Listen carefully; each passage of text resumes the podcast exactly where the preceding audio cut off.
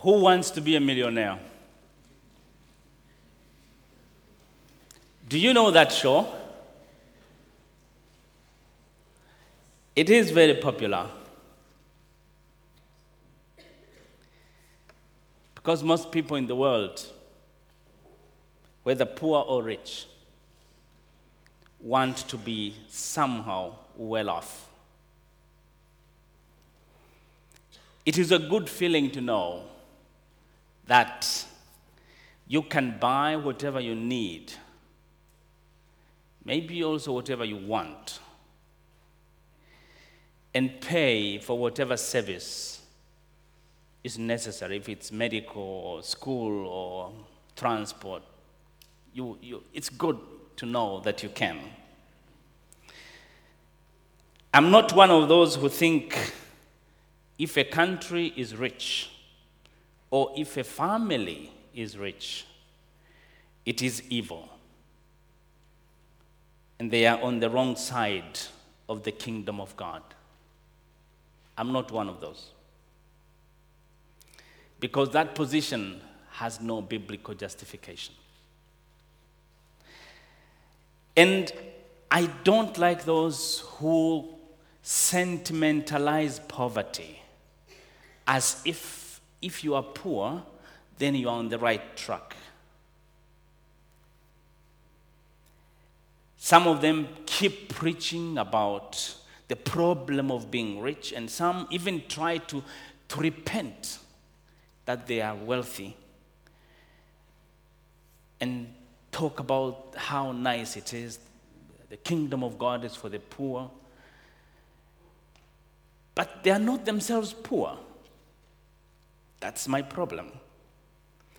And maybe they don't even know what poverty is. I know poverty. I come from Tanzania. I know what it is when you don't know what you are going to eat tomorrow. I know what it is when your child cannot continue with school because you don't have money to pay for school fees. You can sentimentalize and talk well about poverty if you are not poor. But if you are, the first thing you want is to get out of poverty. The rich don't want to get out of their wealth, but all poor people want to get out of poverty. And it's very easy to deal with the problem of wealth. You can do it overnight. As you have heard, some people have become very bankrupt in one week after all these markets have confused each other and all the lies they have been telling people that you are wealthy while actually they are not. You invest two euro today, and after five years, they tell you you have 10. And you are very happy and you think that is your worth.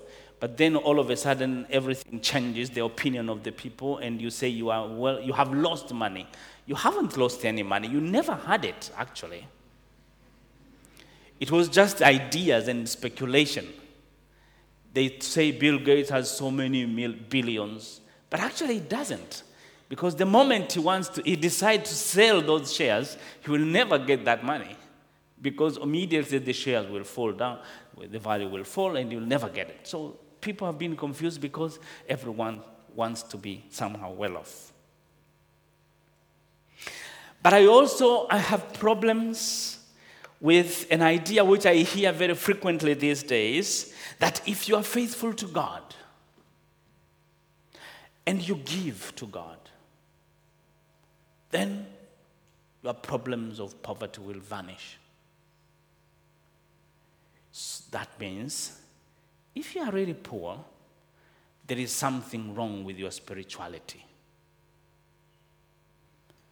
I have a problem with that because that is not true either. Because there are a lot of people who are so faithful to God, who devote their whole life, but they never get out of poverty. So I believe that God loves both the poor and the rich. I believe that we become poor or rich depending on so many different fact, human factors, including where you were born, what your parents owned before you were born, how your government is run, whether it's corrupt or not. Whether you discover oil in your country or you don't, or you live in a desert. It depends on chances open to you as you enter the world. Whether you are healthy or you are ill, whether you get you can get treated when you get sick or not, chances of access to education because your country is poor or politically weak or you are in war. And many global factors that, like these market things, which have made so many people poor overnight. So, the person I want to read about today, I'm saying this as an introduction because we are going to read about a rich person. In the book of Matthew, chapter 19, verses 1 through 22. No, is 16, not 1. Then someone came to him and said, Teacher, what good deed must I do to have eternal life? And he said to him, Why do you ask me about what is good? There is only one who is good. If you wish to enter into life, keep the commandments. He said to him, Which ones? And Jesus said, You shall not murder, you shall not commit adultery, you shall not steal, you shall not bear false witness, honor your father and your mother. Also, you shall not, uh, you shall love your neighbor as yourself. The young man said to him, I have kept all of these. What do I still lack? Jesus said to him, If you wish to be perfect, go, sell your possessions and give the money to the poor, and you will have treasure in heaven, then come, follow me. When the young man heard this word, he went away grieving because he had many possessions. possessions. This young man, we know the story. He had many things which many people would like to have. Number one, he was from the royal family. I'm not sure how many of you have shaken the hand of the queen of your country. What if somebody gives you an invitation that tomorrow at nine o'clock, the queen is going to pass through here, and you are one of those people would like to shake hands with you. How will that feel? There is something which some of us don't even understand very well because we don't have kings anymore like Scandinavians. But there is something that everything which the queens and the royal family does, it becomes interesting. If it is stupid, if it's done by me, nobody cares. But if it's done by someone from the royal family, then everybody is interested. And he came from that family. Second, he was rich. That's why I asked, who wants to be a millionaire? Many of people want. He was. And the third thing, he was religious. He had kept his religion. He knew God. He knew about the kingdom of heaven. He knew about eternal life. And he was even more religious than probably most of us could claim. And this man comes to Jesus because he wants to be in the kingdom of heaven. He wants to enter into eternal life. He knew that the worldly possessions, being coming from the royal family, being rich, is not enough. He lacked something. He wanted to be in eternal life, and he wanted to be sure about that. He knew, what, he knew God, that God wanted him to be correct, to have a correct relationship. And because he was a pragmatic man, he wanted to do something. So he comes to Jesus very, I hope, very sincerely, saying, Lord, I have seen you go around and preach about this eternal life, and I want to get there. What do I do? What can I do? And my brothers and sisters, most of us want to do something, to earn something. We are told from our childhood everything you get for free is not very valuable. You have to work, you have to earn. We don't want to give people things because we think they don't value them very much. And when we think about God and about our natural, this natural inclination, we would like to earn even the eternal life. We work hard, therefore we get paid. We teach our children, don't expect things for free because they are not good. Everything has its costs. It is therefore bad to think we can get into heaven without doing anything. Because things given for free are not supposed to be that good. So we indeed want to do something. We want to do things. We, therefore, in, our, in this nature, we try to help people. We think of those people in need, especially those who are poor, who are hungry. We want to give them something to eat.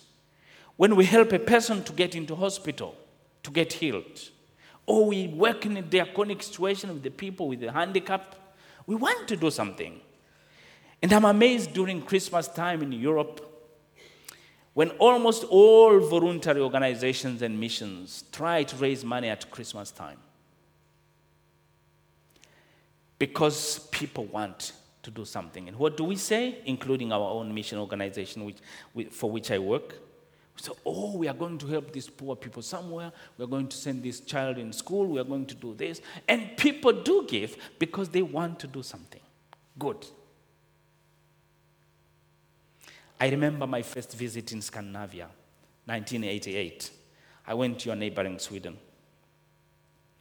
I made a small presentation to a small group of school children, very small.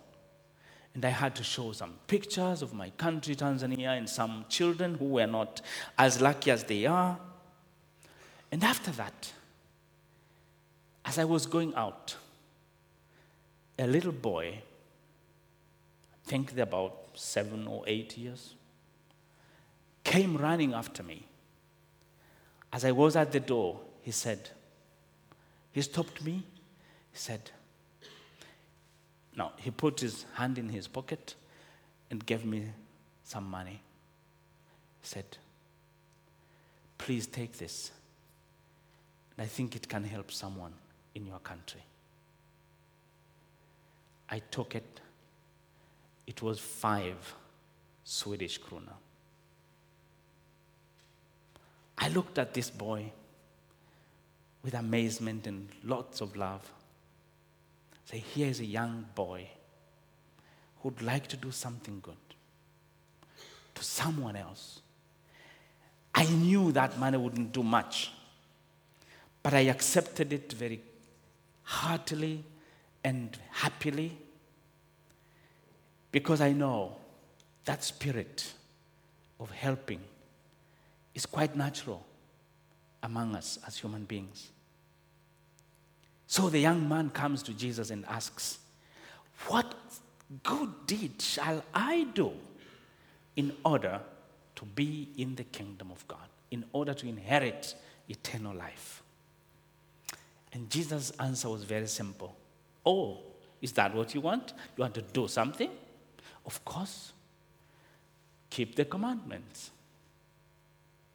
Say, you can't be serious. Which ones? Oh, you know them. Don't murder. Shall not commit adultery. Don't tell lies. You know all this. You must be a moral person, an ethical person. And I'm sure that we all know these commandments and we want to keep them. Everyone in the world knows somehow that these commandments are not given by God to the people in order to test us, in order to show us how much we are bad and how much we struggle, like putting roadblocks in our lives to test our commitment to Him. This is not the reason of God's commandments. They are given in order to assist us make life with one another possible. There are regulations to help us to live together in community. That is why, even where there is no gospel, even where there is no Christianity, these commandments are about the same. Nobody can be against these commandments. Nobody says honoring your parents is a bad idea or that should, we should go ahead and freely kill each other. Nobody should go around sleeping with different people with no rules as if we are birds, which do not care whether they are having sex with their mother or their father or their siblings. It's just unnatural. The moment we do that, we do not keep the commandments, the society collapses and we kill each other. We should not steal or bear false testimony against people. That is common, natural. These vices are not accepted in any society. So we need these rules in order to live with each other. It is a pity that sometimes when they people are reminded of these general natural human rules that these are God's commandments, they become rebellious. We become rebellious. We don't want anybody to command us because God, we can't, we can't argue with Him directly. So, in short, we know the commandments. But I'm not sure how many of us here can say exactly that we are as clean as this young man. Who can say, Yes, Lord, I know since my childhood I have kept all of them. I think you should stand and we clap for you. If you can say, Lord, I haven't telling lies, dishonoring my parents, or coveting anybody. No, I have kept all of them since I was born.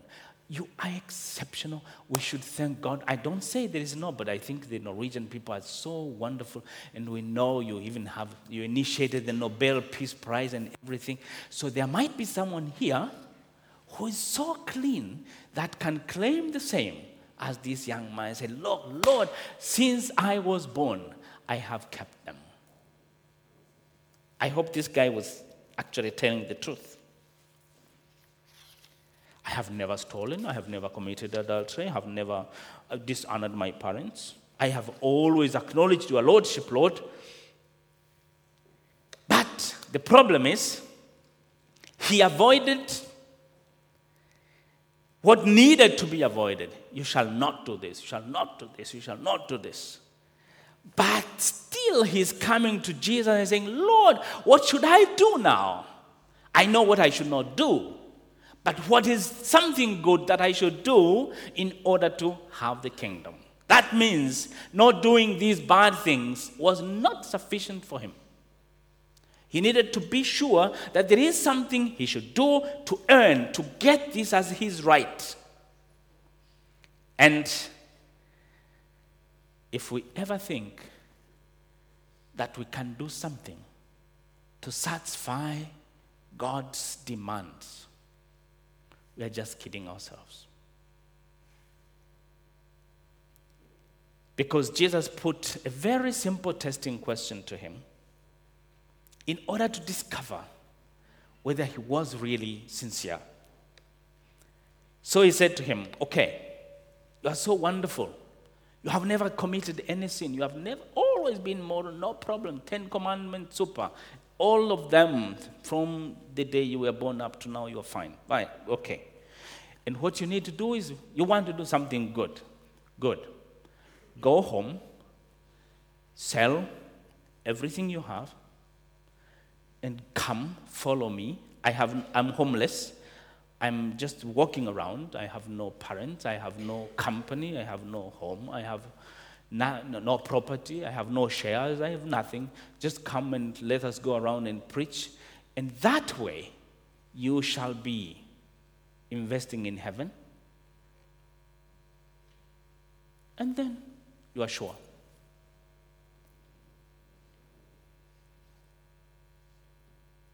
This is something you can do in a single day. Is it difficult to get rid of your wealth? No. It's quite easy. Just go to a lawyer and declare from now, I give this to a Norwegian Lutheran mission. I'm homeless. It's easy. But that was enough for him. It was a step too far. He said, Oh no. okay. I thought I was serious, but the young man broke down. Whatever he had thought, that he was ready to do anything, he was told, to enter eternal life. Because he has done all the other good works, now he wants to do whatever Jesus said. Everything fell apart. He turned away.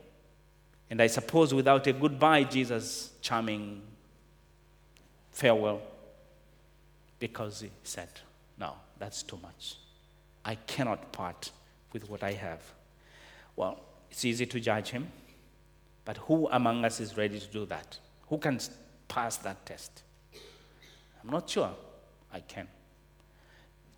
That from now on I become homeless, I become just a monk or something and just give away everything. It's, it's, it's unnatural, it's, it's not really human. The challenge was the test for his faith. Did he really love God above everything? Was he simply pretending? Had he not known the seriousness of the matter? I'm sure Jesus wanted only to test him, to show him, to help him to know that you cannot do anything in order to get into the kingdom of God. It is simply impossible for anyone to pretend that we are so good and so committed that whatever it takes into it, to go into the eternal life, we shall do it and we shall satisfy God's requirements. And that is what is the gospel of Jesus Christ. That is the good news. That is what is different between Christianity and many other religions, or maybe all of them. That instead of God requiring you to do something, God is doing something for you.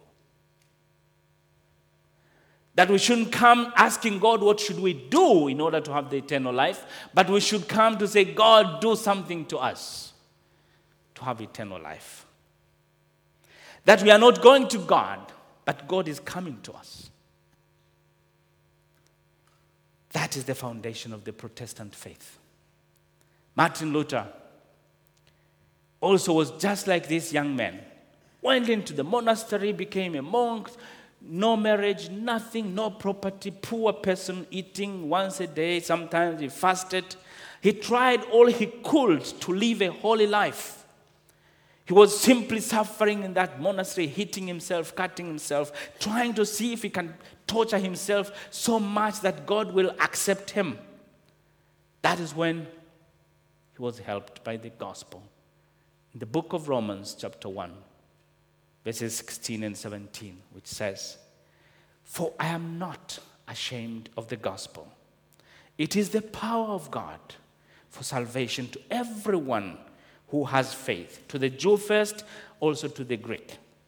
For it is in it the righteousness of God is revealed through faith for faith, as it is written, the one who is righteous through faith shall live.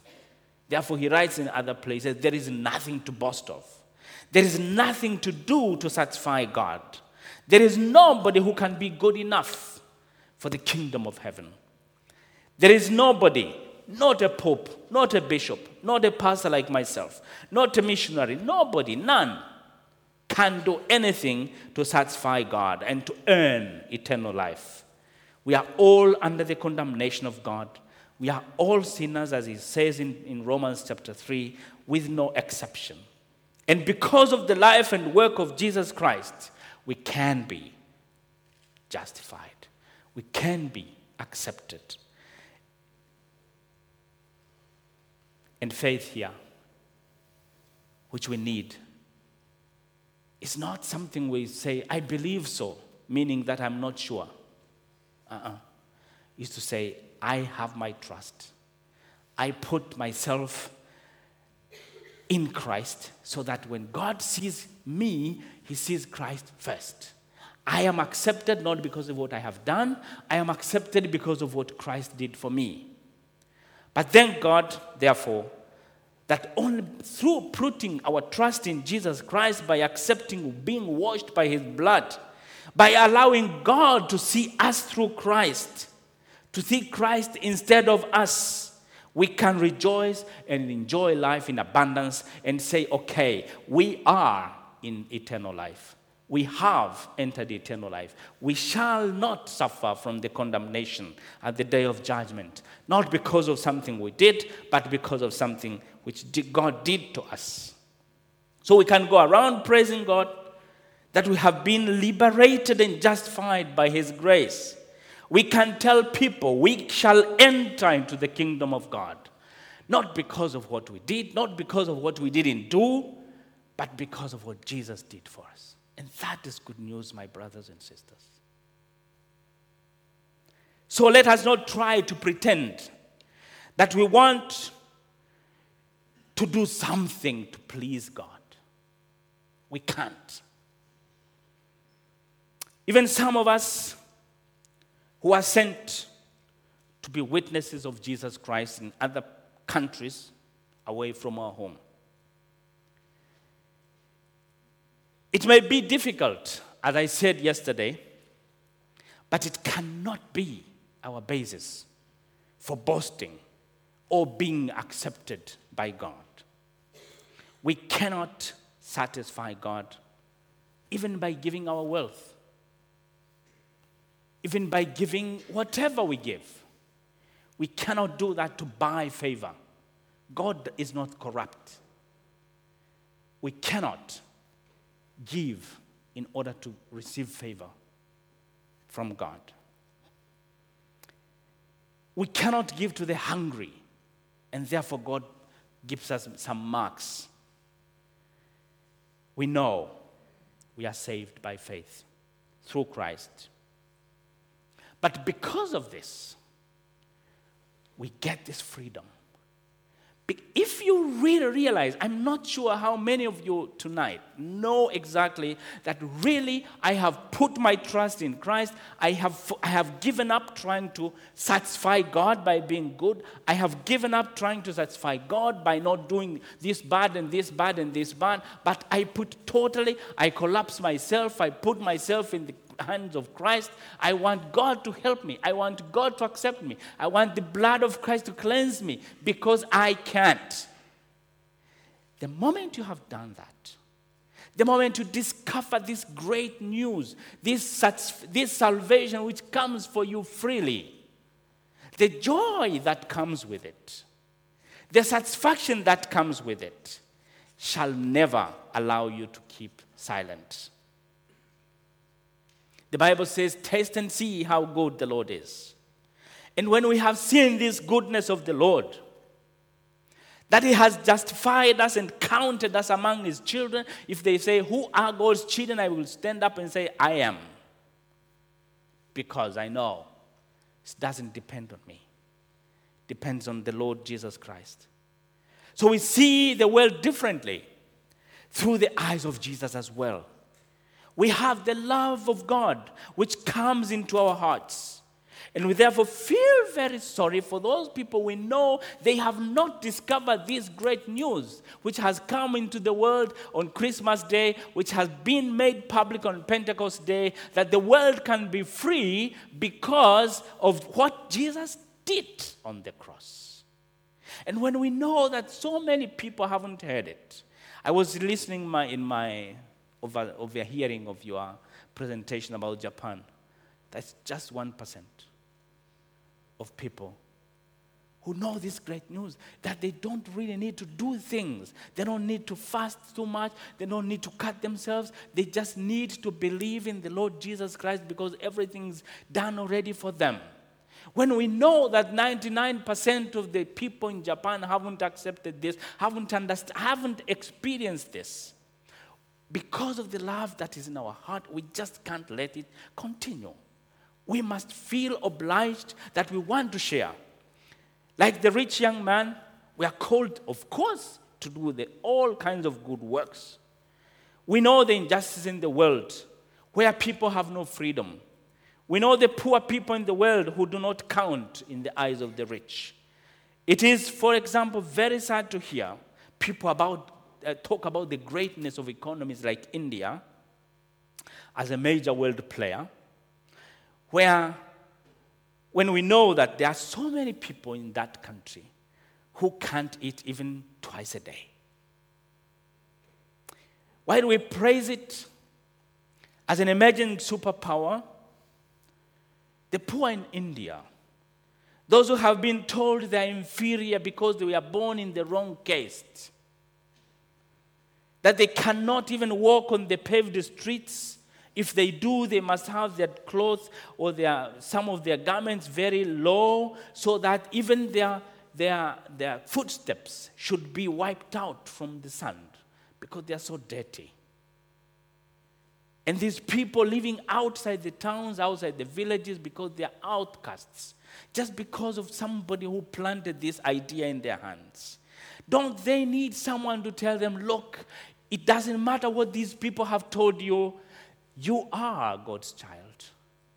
It doesn't matter how, think, how people may think that you are dirty.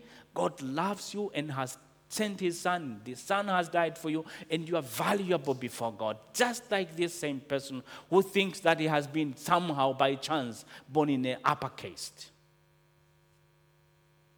And as a church, we cannot be silent when we know that there are so many people who, just because of where they are born, because of what they learn, they haven't heard this gospel of freedom.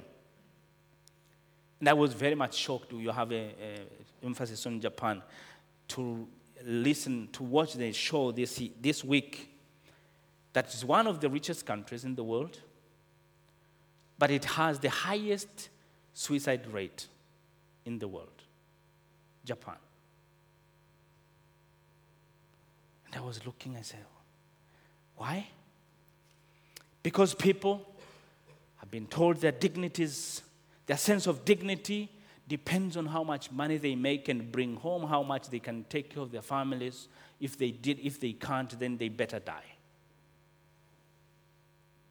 So losing a job, the show said, takes away the whole sense of being a person. That living does not make sense anymore if you can't have a good job and make uh, advancement in your career. The identity has been anchored not in God, their creator, not in the Lord Jesus Christ who saved them, but in themselves and the stupid, stupid standards which human beings have set for them.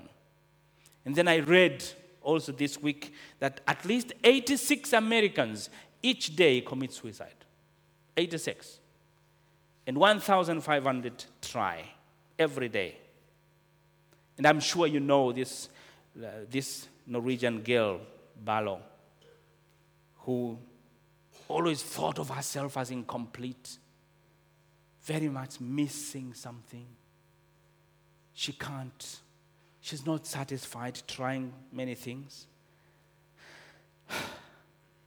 So she had to find out from the Church of Scientology, which gave a very bad diagnosis. Uh, your personality is not good. this church which doesn't have any good news, but telling people you, know, you are not good enough, no matter what. Didn't matter what, which family she's coming from, but you know all that story.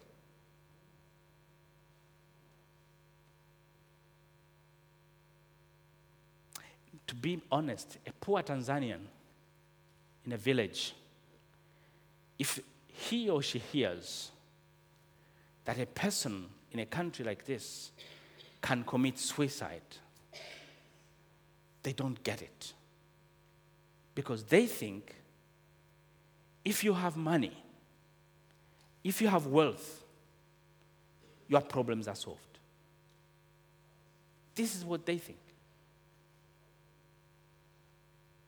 That money brings joy. This rich young man knew doesn't. That money brings satisfaction.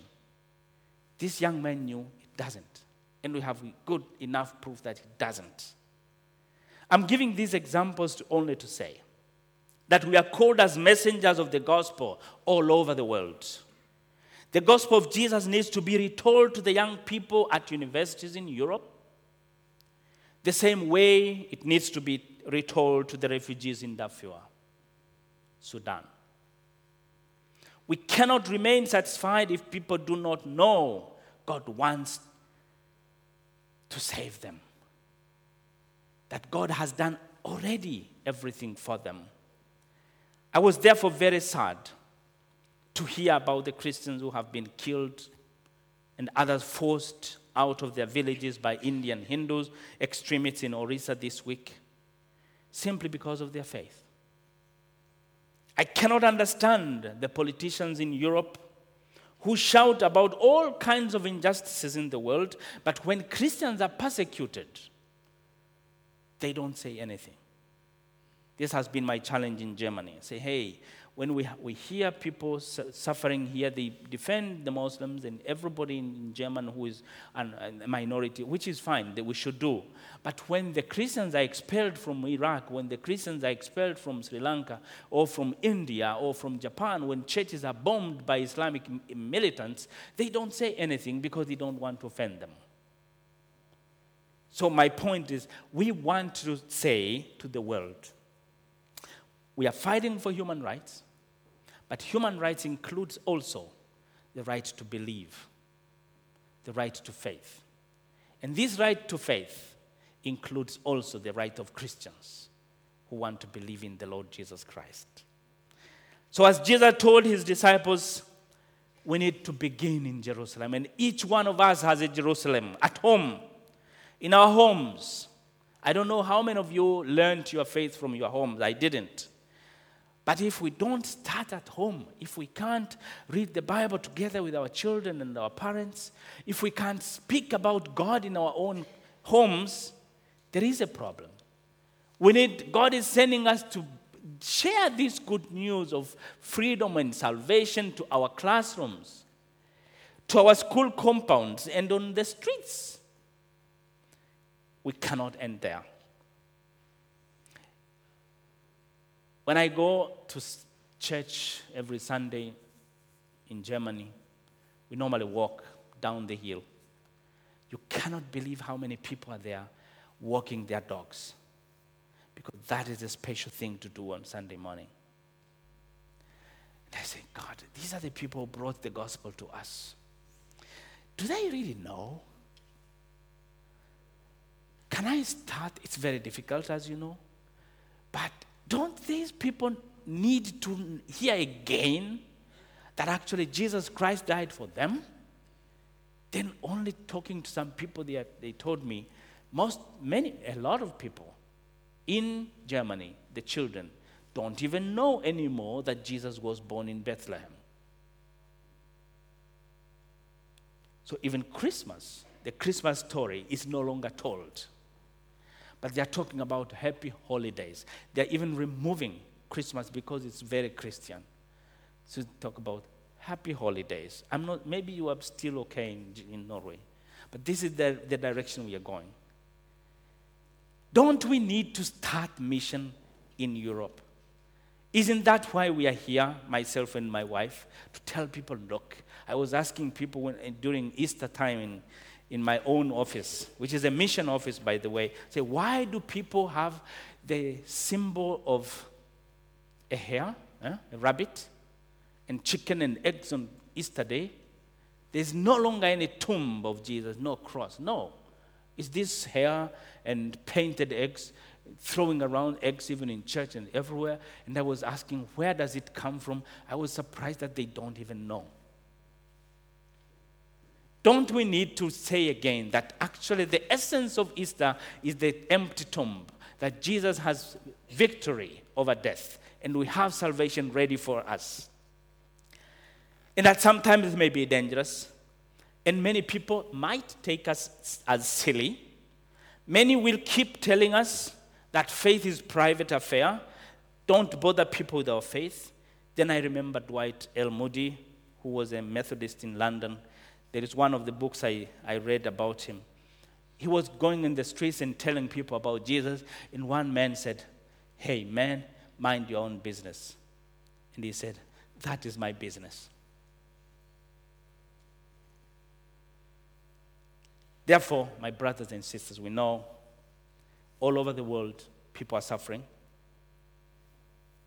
but we are witnesses of Jesus Christ we have seen, we have experienced, we have tasted the goodness of the Lord.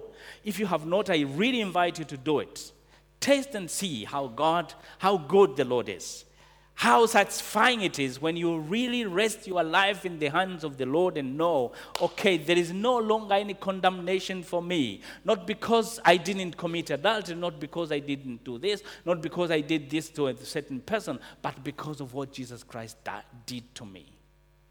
If you do that and really put your trust in the Lord, you are going to see the goodness which I'm sharing with you about, and we are not going to be silent. We have to be fired with this love and this satisfaction and happiness. We are going to tell people and share with them that, look, the Lord is good. It is good for you, it is good for me. Therefore, my brothers and sisters, I'll keep praying for you and let us keep praying that our spirits will not diminish despite of whatever challenges may come in front of us. Because we have experienced this joy and completeness in our lives we feel this fulfillment which comes only through Jesus Christ. We are going to share it with others wherever we go. Let us pray.